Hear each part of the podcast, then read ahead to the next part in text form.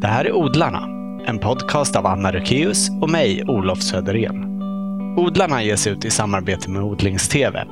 Och innan vi börjar vill vi tacka våra två sponsorer för att de möjliggör den här podden.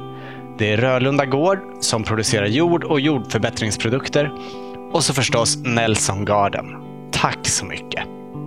Årets trädgårdsbok 2015 tillkännagavs nyligen på Bokmässan i Göteborg. Och det blev Så ett frö, en odlingsbok från Rosendals trädgård som fick den utmärkelsen.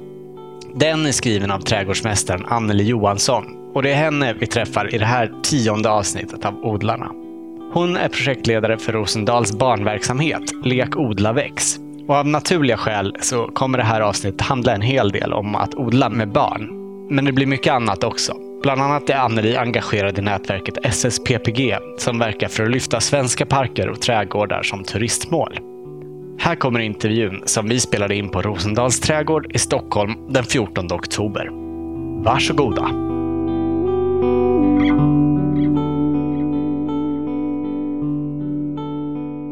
Då vill jag börja med att gratulera dig till utmärkelsen Årets trädgårdsbok. Vi ska Tack. återkomma till den om en liten stund. Du är ju trädgårdsmästare här på Rosendal nu. Ja, För alla oss som bor i Stockholm så är ju Rosendal ganska välkänt. Men vill du berätta lite kort om det för de som kanske inte har varit här? ja. Rosendals trädgård är en biodynamisk handelsträdgård. Drivs som en stiftelse och har funnits i 32 år ungefär.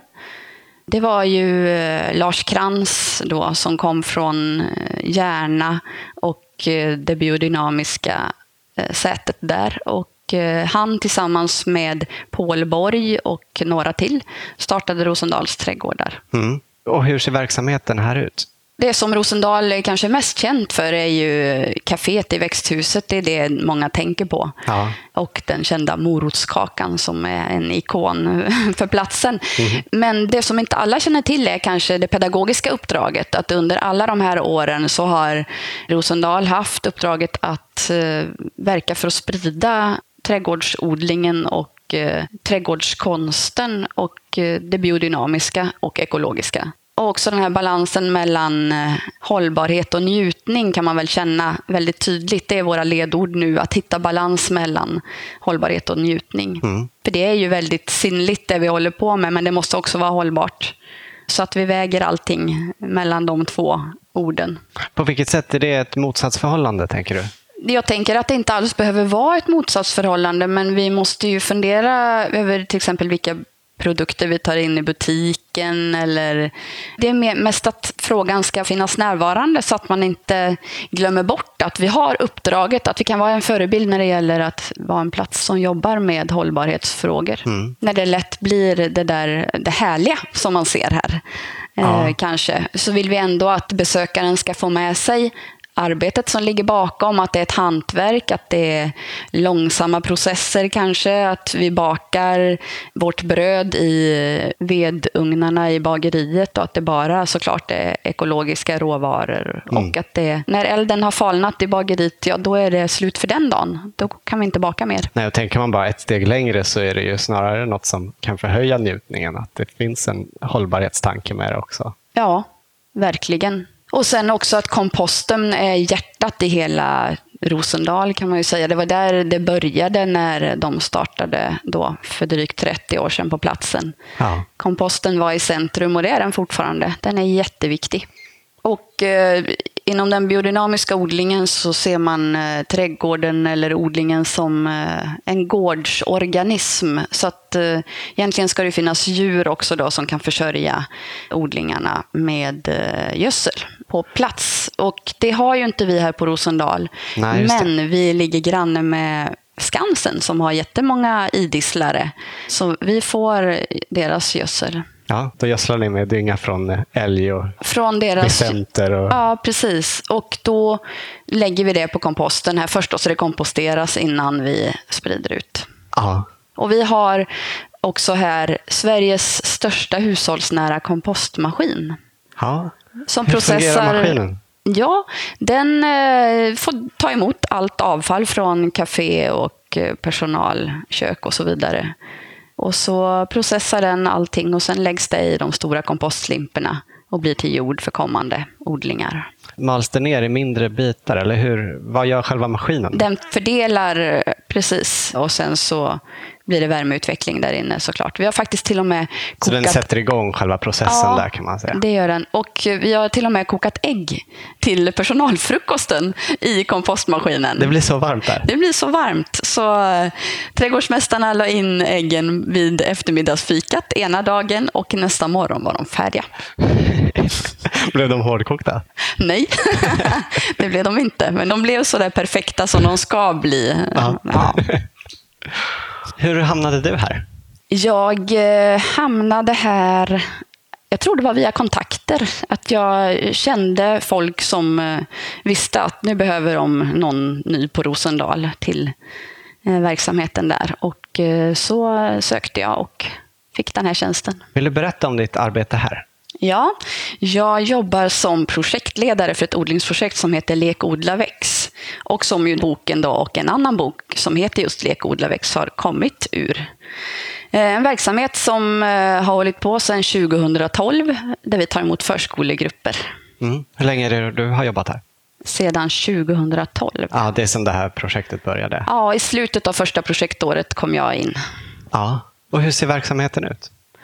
Den ser ut så att Eh, barngrupperna kommer hit och träffar våra två trädgårdspedagoger. Och så får de följa med under ett helt odlingsår. De är här vid sex tillfällen och får följa hela ja, de viktiga momenten i trädgårdsåret och odlaråret. Mm. Har ni en särskild trädgård där barnen är med och odlar också? Mm, det har vi. Den heter Lekträdgården. Som projektet hette från början, men sen döpte vi om det därför att vi inte ville att det framförallt skulle vara en plats kanske som var det viktiga, utan metoden som vi har utvecklat under de här åren. Mm. Men nu finns den på plats. Vi invigde förra året vår odlingsyta och samlingsplats för barnen. Just det. Och den kan man titta på om man kommer hit till Rosendal? Det kan man absolut göra. Mm. Mitt i odlingsfältet. Ja. Har du några särskilda favoritgrödor att odla ihop med barn? Mm. Popcornmajs är väldigt roligt. Ja. Dels eftersom det, det, växer ganska fort och så blir det jättefina små kolvar som man torkar och sen kan poppa tillsammans med barnen. Ja. Allting där man får se från Alltså det är ju det här med fascinationen över fröets resa på något sätt. Just det. Från frö till frö igen och att man får följa alla stadier och sen äta det man har odlat är ju jättespännande. Ja. Och sen också att riktigt små frön kan bli väldigt stora växter och att man kan liksom resonera lite kring det, vad det finns för potential i, i de där fröna. Ja. Den här boken som du har skrivit, Så ett frö, jag gav den till min systerson och han var ju helt uppslukad av den. Vi var och skulle äta på en restaurang efter och så fort han hade ätit klart så sa han “Mamma, var är min bok?” Och sen satt han liksom tyst och läste i den här boken. Är det sant? Vad kul. Ja. Hur gammal är han? Han är åtta. Åtta? Mm, ja. Bra. Och så finns det ju en bok till som lite hör ihop med den här. Du nämnde ju den innan. Mm. Vad är skillnaden? Skillnaden är, vi, vi gjorde ju båda de här böckerna ur det här odlingsprojektet då, Lek, odla, väx. Mm. Och det är namnet för metodhandboken. Den tänker vi rikta sig mest till pedagoger som vill odla tillsammans med barn. Så att vi kan nå, vi kan ju ta emot ett, ett antal barngrupper på Rosendal, men det är ju begränsat såklart hur många som kan komma hit. Och då vill vi inspirera andra pedagoger att odla. Ja. Så den finns ju att köpa då, gärna tillsammans med Så ett frö som är mer den praktiska handboken i odlandet. Mm. Hur ser den här metoden ut som ni använder? Den är väldigt upplevelsebaserad och bygger på att eh, barnen får leka och förkroppsliga alla de här odlingsmomenten också, som får vara ett litet frö och de får känna hur det är att växa till en planta och ta sig den platsen eller beredas den platsen som en planta eller människa behöver för att växa. Mm. Och sen får de också eh, bli kittlade av maskar i en kompost, fast maskarna är inte maskar utan människohänder som kittlar, men i alla fall. Att ligga under ett täcke och låtsas vara det som processas till ny jord. Vad gör ni mer av vid de här sex tillfällena som barnen kommer? Vi mötte ju en grupp här ute. De skulle få lära sig om just kompost, va? Ja, det stämmer. Nu är vi framme vid träffen som heter kompost. Och det är den femte av sex träffar.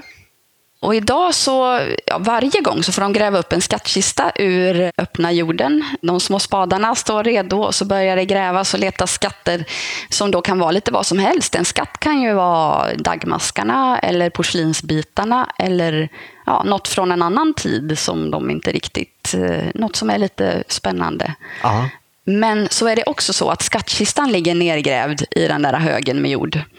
Och eh, då presenteras träffens tema i kistan. Mm. Och så är det vid varje av de här ja, sex tillfällena? Ja, så är det vid alla sex träffarna. Och idag då när det handlar om kompost så innehåller den ja, lite äppelskruttar och äggskal kanske. Och eh, leksaker, pennor, saker som inte kan komposteras också. Sen får barnen då fundera över vad som, vad som maskarna skulle gilla att käka upp och vad som de inte skulle gilla. Vad som då ska återvinnas istället. Brukar det vara lätt för dem att lista ut det? Ja, de brukar vara jätteduktiga på att lista ut. Och de andra tillfällena, hur ser de ut? Vi börjar i mars och då är det tema knopp och jord. Så då tittas det på olika vårtecken som har dykt upp i trädgården. Och de får känna på knoppar och eh, sjunga knoppvisan. För till varje tillfälle så är det också en visa som trädgårdspedagogerna har skrivit text och gjort rörelser till. Och just det, och de finns i den här handledningsboken ja, också? Ja, det gör de. Med noter så att man kan ta ut dem själv. Ja. Och första träffen då får man också då bekanta sig med jorden och göra ett jordprov i en petflaska. Blanda lite själv och skaka och eh, se vad det är för beståndsdelar, vad som flyter och vad som eh, sjunker till botten och sådär. Och att naturen på något vis skiktar det här och ordnar det här i vattnet i flaskan. Sen skakar man igen och så ser man vad som händer. Är det något man kan använda sig av om man vill veta hur, hur man ska behandla sin egen jord? Ja, det kan man faktiskt göra. Det är ett snabbt och enkelt sätt att se vad man har. Ja, och vad ska man titta efter då? Ja, då ser man ju eh, om man har till exempel saker som inte riktigt har förmultnat eller, eller så, eller om man har en väldigt torvrik jord, så är det ju, då, då flyter de sakerna. De där lätta grejerna. Då ser man det och sen sjunker ju alltid sanden till botten. Mm. Mm. Och nästa träff då? Nästa träff, då är det frö och sådd. Mm. Och då är det ungefär i april någon gång. Då sår barnen i brätten inomhus och testar på det lilla finmotoriska pilliga jobbet som det innebär. Och vattnar naturligtvis. Det är ju jättekul att vattna. Så det är temat för den träffen. Och sen så är det dags för plantering i maj maj-juni där och omskolning får de ju också prova där, det som ska vara inomhus och växa sig, stå i kruka och växa. Så att tomatplantor till exempel brukar de skola om. Ja, det gillade jag väldigt mycket med boken också. Att det är på en nivå som inte är allt för grundläggande. Det är liksom inte bara peta ner ett frö i jorden och se den växa, utan det tar Nej. upp sånt där som omskolning och så också. Ja. ja, vi har ju försökt följa eh, fröets resa i alla stadier och tänkt att det ska vara en odlingsbok som är väldigt grundläggande men för både barn och vuxna. Vi ville att det skulle vara en familjebok. Som, ja. som man faktiskt, när man sitter där och läser den för sitt barn så lär man sig jättemycket själv också. Eller att man kan, jag har hört många som säger att ja, men den där ska jag köpa till min dotter. Hon är 30 år. Så då förstår vi att den inte bara tilltalar barnen och det är vi jätteglada över. Det är ju... Nej, den är verkligen en bra handbok även för vuxna om man inte är så erfaren. Ja, vad kul att du säger det. Mm. Det var tredje träffen. Tredje träffen, ja. Och sen så är det sommaruppehåll. Då är det våra trädgårdspedagoger som sköter om odlingarna här. Så att det finns någonting att skörda helt enkelt när barnen kommer tillbaka i september. Och då heter träffen Skörda och smaka. Då är det fest i trädgården. Då får barnen skördelistor som de får gå runt med tillsammans med pedagogerna och titta så att de skördar rätt saker och ibland slinker det med något mer som ser spännande ut såklart. Mm. Och så får de också gå till bagarna i bageriet här på Rosendal och hämta lite bröd till sin skördefest. Och det är riktigt kalas. Ja. Och sen provsmakar de allting som har odlats och det där med att barn Ibland kan det vara svårt att få barn att äta grönsaker, det läser man ju sådär. Att det mm, ska vara. Har jag hört. Det har man hört.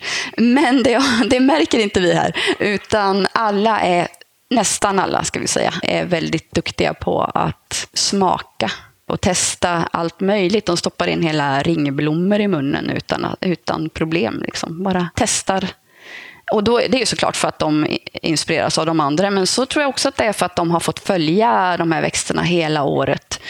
Och de har en relation med den här platsen och det som växer. Vilken grönsak brukar vara favoriten? Jag tror att rödbetan är favoriten. För att den blir ju, det blir ju så otroligt fin färg på tungan när man har eh, gnuggat in den. Vi äter ju allting, de provar allting rått. Så ja. att det är inte tillagad mat någonting. Och en, en rödbeta som eh, är rå, den färgar på ganska bra. Fint. Ja. Och sen är det kompostträffen. Ja. Och, det, och den har du berättat lite om. Ja, den är nu. Mm.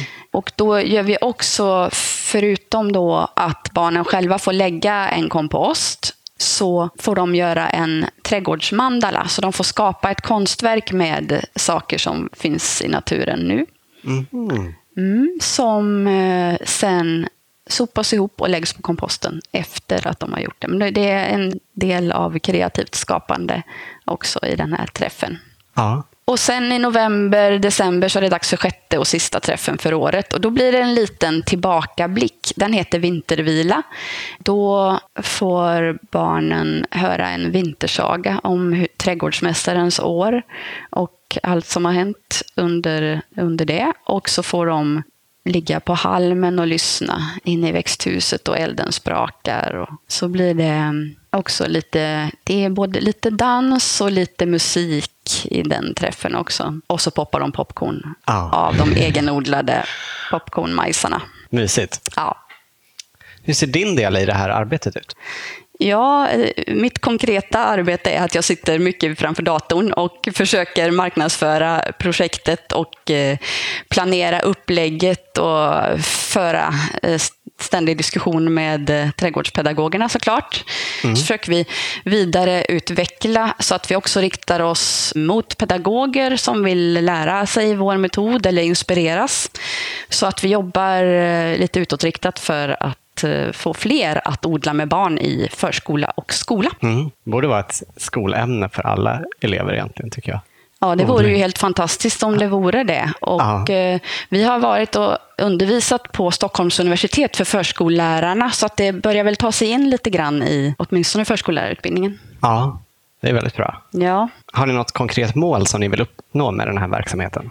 Att fler ska odla såklart. Det ja. är ju det konkreta målet som vi verkar för. Och det bygger ju lite grann på den här tanken om att miljöengagemang och intresse som man lär sig tidigt i livet. Så där. Det sägs att om man får positiva naturupplevelser vid 5, 6, 7 års åldern så brukar det vara så att det sitter i resten av livet och gör att man är mer benägen att engagera sig i miljö och sådär under under hela livet. Och, eh, det är ju ett sätt att jobba eh, med, med den målgruppen då, som, som ska växa upp och ta hand om den här jorden sen. Men eh, sen är det ju också det här skriande behovet av människor som kan odla mat just nu så att vi kan behålla matproduktion i Sverige och ta hand om våra, vårt kulturlandskap. Mm. Nu har vi fått höra en massa saker om vad man skulle kunna göra med barnen för att väcka deras odlingslust. Men det kan ju vara så att de bara vill sitta inne och spela Minecraft. Vilket i och för sig är ett ganska bra spel på många sätt tycker jag. Men om man nu gillar att odla och vill få med sig sina barn i det, har du något tips då? Just det. Då ska man ta med dem ut. Och Aha. så kommer det nog att hända. Jag tror att det ganska ofta är så att om det som föräldrarna tyck, mår bra av, det kommer barnen också känna att att det finns positiv energi i. Så att då tror jag nog att de ofta tycker att det är rätt så härligt ändå. Mm. Hur ska man planera trädgården för att den ska bli välkomnande för barn? Men man kanske ändå vill slippa en stor studsmatta och platt fotobollsgräsmatta. Just det, som en villaträdgård. Eller ja. som, ja, jag tänker rumsligheterna är ju viktiga för att barn vill ju gärna kunna eh, komma undan lite och, och gå in i sin egen lilla värld. Och då kan man ju tänka att eh, ja, spaljer eller tunnlar eller buskage och sådär kan nog vara, det är ju väldigt spännande såklart. Och sen så olika markmaterial tänker jag är viktigt. Så mycket sinnesupplevelser och så stor variation som möjligt. Ja. Och artrikedom, så att man får in eh, djur i trädgården också. Så lite hemliga gångar. Ja, det tycker jag nog. Det är Ja. i alla fall det jag minns själv, att jag tyckte var härligt. Ja. ja, det är samma här. Ja. Vi såg ett bra exempel på det här ute i trädgården innan intervjun. Mm. Den här jordärtskocksgången. Just det. Vi har ju ett jättefält här på Rosendals trädgård med jordärtskockor. Och så var det till eh, förra träffen med barnen som heter Skörda och smaka. Och vår skördefest då, som är en riktig höjdpunkt här på Rosendal. Då högg vi ut en liten gång, eller vad man ska säga. Gjorde en gång i det där fältet så att man kan gå bland de här jättehöga jordärtskockorna. Mm. Snirkla sig fram och komma ut på andra sidan. Det finns även en labyrint här. Ja, Visst gör det? Den stämmer. brukar vara populär bland barn. ja jättepopulär. Ja. Det där som är lite oväntat och lite, när man inte vet riktigt vad, som, vad det ska bli, liksom, var, var man är på väg. Mm. Så tror jag man ska tänka när man planerar för både barn och vuxna. Vi ska backa lite i tiden till när du själv var barn. Hur kom Mm. du först i kontakt med odling? Jag tror, vi har nog alltid, eh, jag är uppväxt på landet och vi har nog alltid haft grönsaksland hemma. Så det har funnits med Var växte du upp någonstans? I Dalsland. Ja. Och sen så minns jag att min första sånt där odlingsminne tror jag är när vi skördade potatis hos grannarna. Där vi odlade, alltså de där potatisarna som skulle vara lite för lagring. Sommarpotatisen hade vi nog hemma. Färskpotatisen hade vi hos oss. Men de där som vi skulle lagra, de hade vi hos grannen. Och så var vi många som jobbade tillsammans och så doftade jord. Mm. Har du andra förebilder inom odling?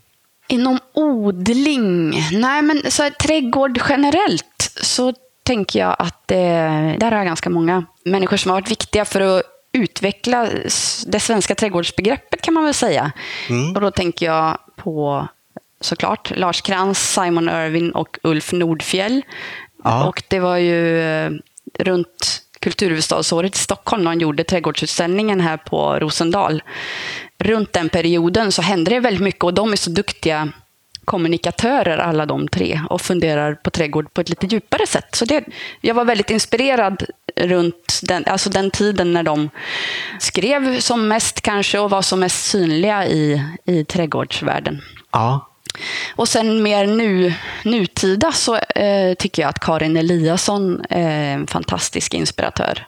Ja. Också för att hon, ja, dels för att hon skrivit den här boken Känsla för jord som ju är, Fantastisk. Ja. den är verkligen fantastisk. Och Ja. sen att hon är också en jätteduktig berättare och projektmänniska. Mm. Vi intervjuade henne för mindre än en vecka sedan. Gjorde ni? Ja, det har inte kommit ut nu när vi gör den här intervjun, men när, det här, eh, när den här väl kommer ut så har också det Ja, avsnittet kul. Hon funnits. är verkligen min stora... Ja, Ja, just nu känns hon är som att hon är så skärpt och bra. Ja, hon var väldigt intressant att höra på. Mm. Hur kom det sig att du blev trädgårdsmästare? Jag tror att det började lite med att jag var intresserad av terapiträdgårdar och det här människa och trädgård-kopplingen.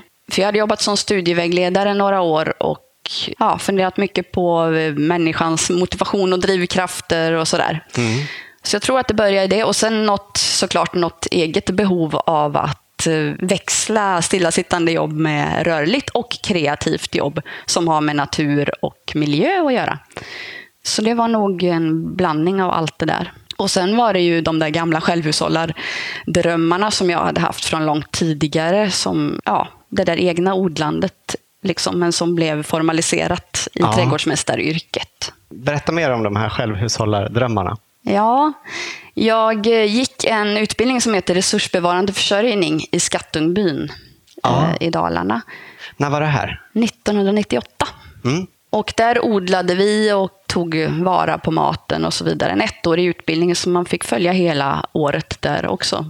Ja. Och vi eh, renoverade hus, tog hand om djur, högg vår ved såklart. Allt som har med någon form av självhushållning att göra. Ja. Och sen så efter det året så fortsatte jag odla på egen hand och vart jag än bodde så rev jag upp gräsmattorna och eh, byggde plastväxthus och, och sådär. Så det fanns med väldigt länge, det där odlandet i, för egen del. ja. Och sen så kände jag att, det var, att jag ville bli trädgårdsmästare själv. Mm. Det här med trädgården i terapeutisk synvinkel. Ja. Hur kom du in på det? Eh, jag har läst ganska mycket mm, beteendevetenskap och ja, psykologi och humanekologi och sådär på universitetet. Ja. Så jag tror att det var i det, med den tanken. Mm. Att göra trädgård eller att, att natur och trädgård är bra för människan på något sätt. Mm. Så det började nog där och därför sökte jag till trädgårdsmästarutbildningen på Vi trädgårdar, Högskolan i Gävle, som har just den inriktningen. Nu läggs den utbildningen ner tyvärr. Det är jättesorgligt. Ja, jag det var en väldigt det. fin trädgårdsmästarutbildning. Det är väldigt synd. Mm. Men eh, då var ju många av kurserna eh, relaterade till det här med ja, miljöpsykologi och människan och trädgården, helt Mm. enkelt. Hur länge är det nu som du har jobbat som trädgårdsmästare? Sen 2008. Du har ju också jobbat i och skrivit en bok om Rottneros park. Precis, där jobbade jag eh, 2008 till 2011. Ja. Vill du berätta om den?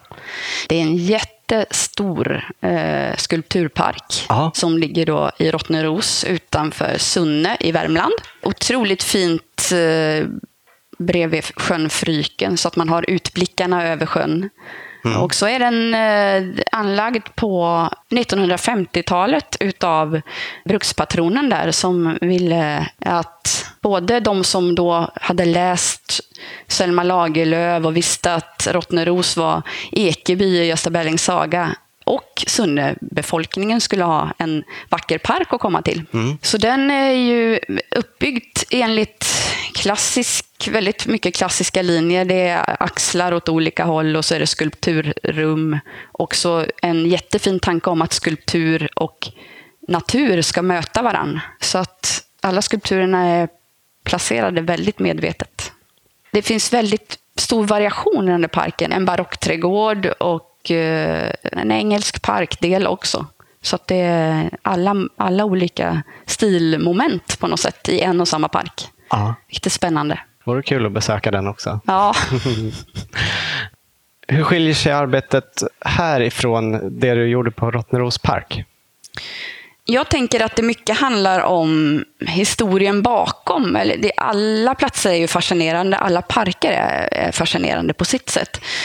Och i Rottneros park så handlar det mycket om att det var så spännande med hur den grundades, hur den byggdes upp på 50-talet med alla tankar och visioner och, och sådär. Och, och att det finns så mycket ambitioner med trädgårdar på något sätt som är som ibland blir verklighet och som ibland inte blir det. Och, och där det kanske, det kanske är det som blir det intressanta. Hur såg intentionen ut och hur blev det i verkligheten? Och då blir ju det en fråga om skötsel och förvaltning och vad som är möjligt att göra och vilka personer man måste lyckas övertyga i olika faser och så vidare.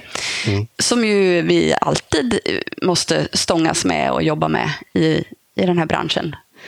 Där det finns eh, begränsade resurser. Det gör det ju alla eh, branscher såklart.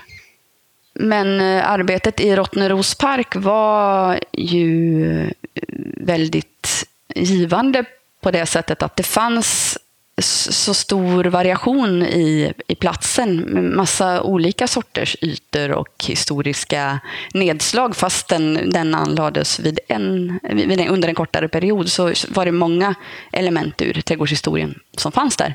Ja. Och sen också att det är så stor yta som man får jobba med. Och det finaste jag hörde när jag, när jag var där, det var en besökare som sa att eh, det känns som att det finns en närvarande hand överallt i den här parken. Och det är finare beröm än så går inte att få. För att det, det är ju inte sant, vi kunde ju inte vara överallt. Men det, vi lyckades ändå prioritera arbetet så att det kändes som att vi hade koll på läget.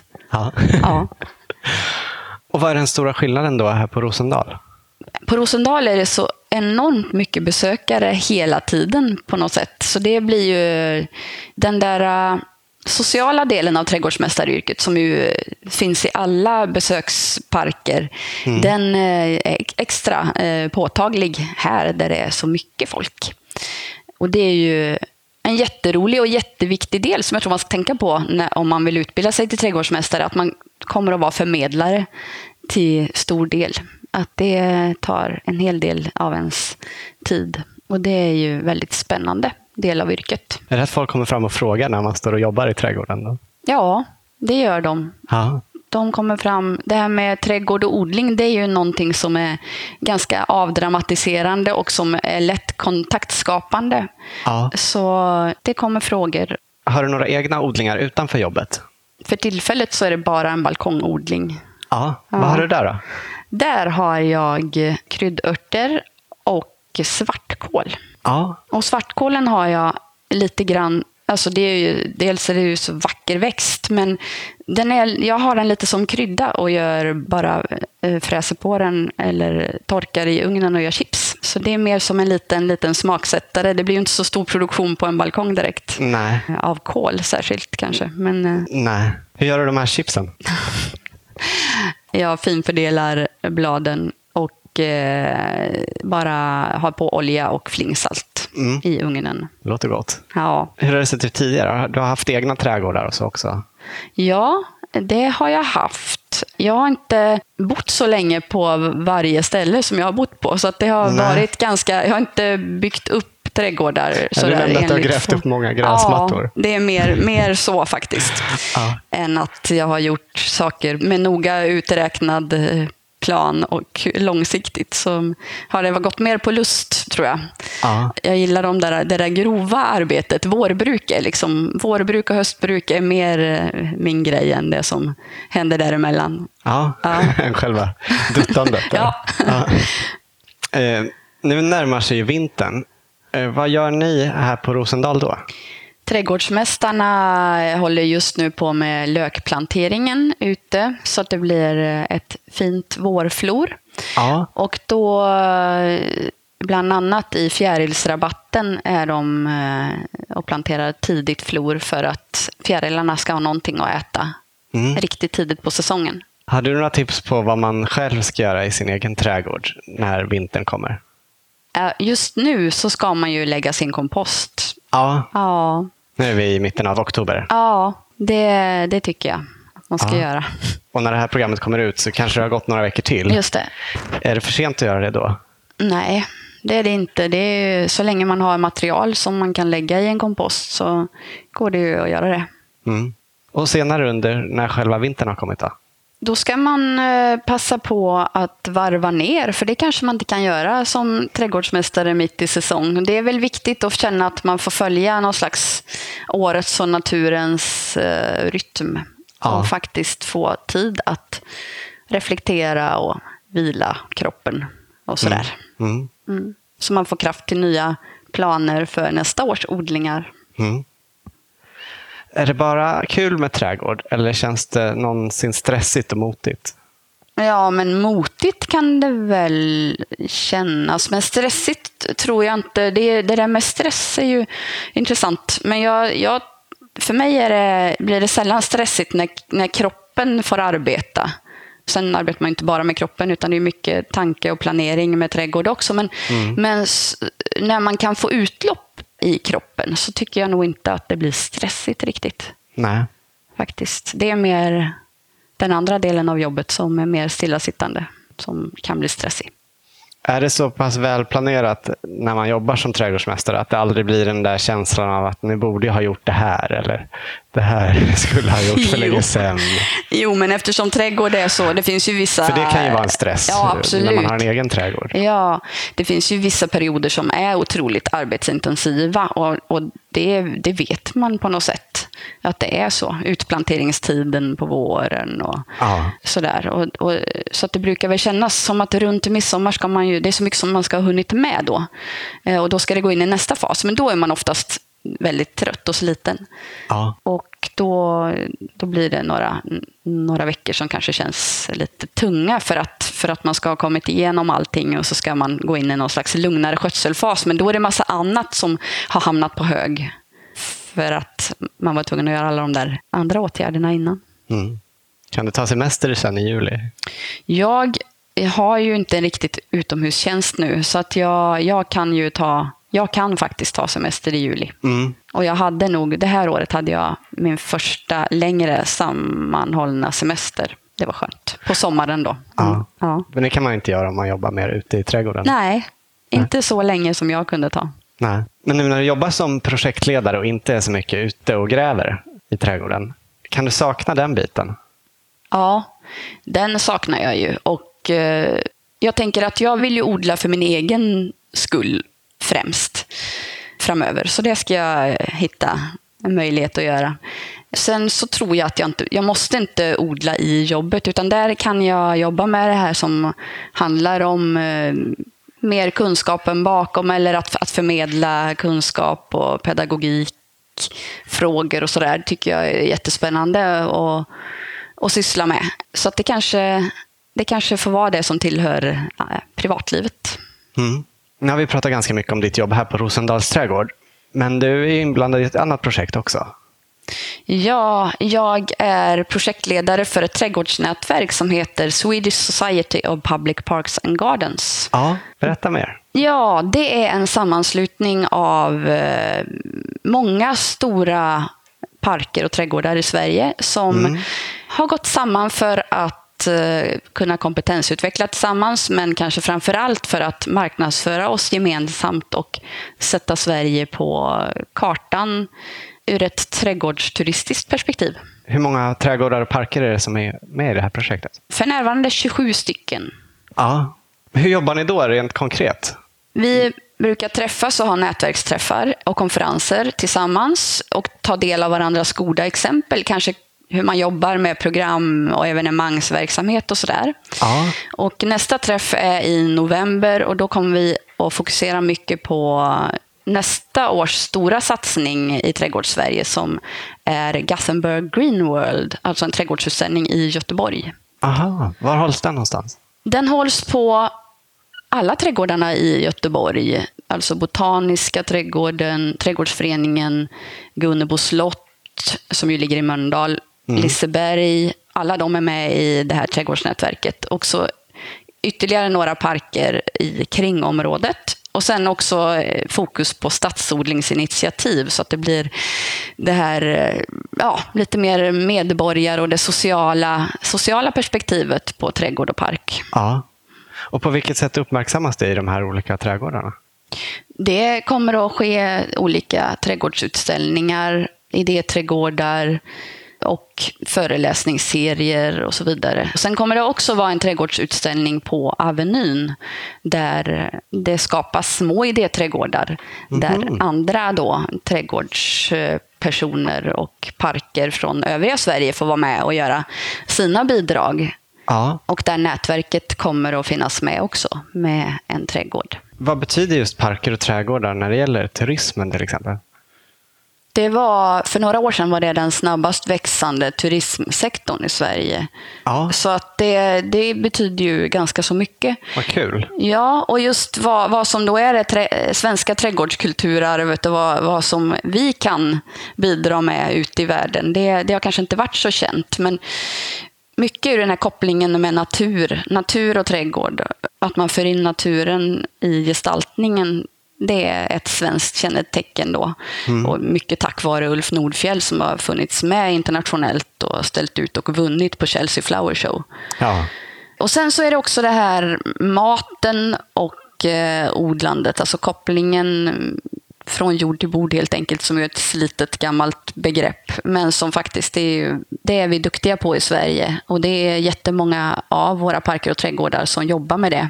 Bland mm. annat här på Rosendal förstås. Men också Gunnebo slott och Vi trädgårdar och Läckö slott med flera som är väldigt bra på det här. Ja. Hur ser er vision ut av Trädgårdssverige? Då? Visionen kan man väl säga är att ja, men kunna lyfta trädgårdskulturarvet. Det finns så lite pengar till det här med skötsel och upprätthållande av våra parker och trädgårdar. Det är lätt att tänka att det inte är så prioriterat kanske, när det finns mycket annat som måste prioriteras. Mm. Men jag har hört någon säga att parker och trädgårdar, man, man tänker inte på dem förrän de är borta. Och det är ju, låter Nej, ju lite hårt, men, men, att man faktiskt inte förstår vikten av det för att vi tror, vi förutsätter att det ska finnas där. Mm. Men sen vad det krävs för att sköta och underhålla, det finns så mycket pengar som kan pumpas in i projekt och kortsiktiga projekt då, medan, medan allt inom trädgård eh, handlar om väldigt långsiktiga processer och där pengar behöver finnas till skötsel istället kanske. Att man kan omfördela det lite grann. Och att det också eh, behövs så mycket kompetens för att det är så lätt att förstöra någonting som har vuxit i 200 år och så kan man ta ner det med ett motorsågssnitt. Mm. Mm. Det, det räcker med att fel person kommer och tänker att nu ska vi göra något nytt här, så, ja. så är det förstört. Ja, det är det. Händer det ofta? Ja, brist på kompetens tycker jag att man kan se ganska ofta. faktiskt. Mm. Felaktiga beskärningar och, och sådär som faktiskt blir lite, det är lite oåterkalleligt mm. när det väl är gjort. Är det något mer som du tycker att vi borde prata om? Jag tänker väl kanske eh, vikten av det här med trädgård och park. Att det är ganska lätt att tänka att det är fint. Alltså det är någonting som är fint och mm. härligt eh, att vara i. Och det, och, ja, det är en viktig del. Men jag tänker att trädgårdsbranschen har någon form av ansvar för vår framtida försörjning på mm. något sätt. Att vi eh, måste se till att det, det finns eh, mat på den här jorden för oss ja. framöver. Och eh, att den pedagogiska delen av allt som har med natur och trädgård och kretslopp och så vidare, att det så lätt kan förmedlas via att trädgården är, visar de här cyklerna som vi alla är så beroende av. Och också att vi lär oss relatera till alla naturkrafter och så vidare. Det gör man ju om man jobbar med det som växer. Så blir det väldigt påtagligt att vi är beroende av alla naturelementen Aha. på ett väldigt konkret sätt. Tror du att vi kan använda trädgårdar i Sverige för att det ska kunna utgöra en betydande del av vår livsmedelsförsörjning? Trädgårdar är väl kanske, det låter det är lite för eh, optimistiskt att säga men, men, att trädgårdarna är katalysatorn kanske. Trädgårdarna och parkerna och det publika är på något vis katalysatorer för att det ska ske. Men sen så måste det ju såklart till lite större förändringar. Det är ju liksom, ja, gräsrötterna jobbar från sitt håll och eh, så måste det jobbas från ett annat håll också för att mm. det ska bli verkligt. Mm. Men jag tror att landsbygds och glesbygdsutvecklingen, där, där måste det ju ske ganska mycket för att vi ska klara av en hållbar matproduktion i Sverige. Mm. Och med hållbar, då menar du inte storbruk i monokulturer och så? Utan... Nej, det menar jag inte. Jag menar ekologiska mindre småbruk. Mm. Och kanske gemensamhetsinitiativ eh, där man odlar tillsammans eller där någon odlar och kan försörja sin, sitt närområde. Mm. Och till sist, innan vi slutar, så skulle vi gärna vilja höra ditt bästa odlingstips. Mitt bästa odlingstips är nog ja, att bli eh, att bli bekant med jorden. Mm. För det är det viktigaste, tänker jag. Mm. Och eh, det kan man ju då till exempel bli genom att lägga sin egen kompost. Lära känna den och förstå vad som händer. Ja. Bra tips tycker jag. Tack så jättemycket för att du tog dig tid, för att vi fick komma hit. Tack så mycket.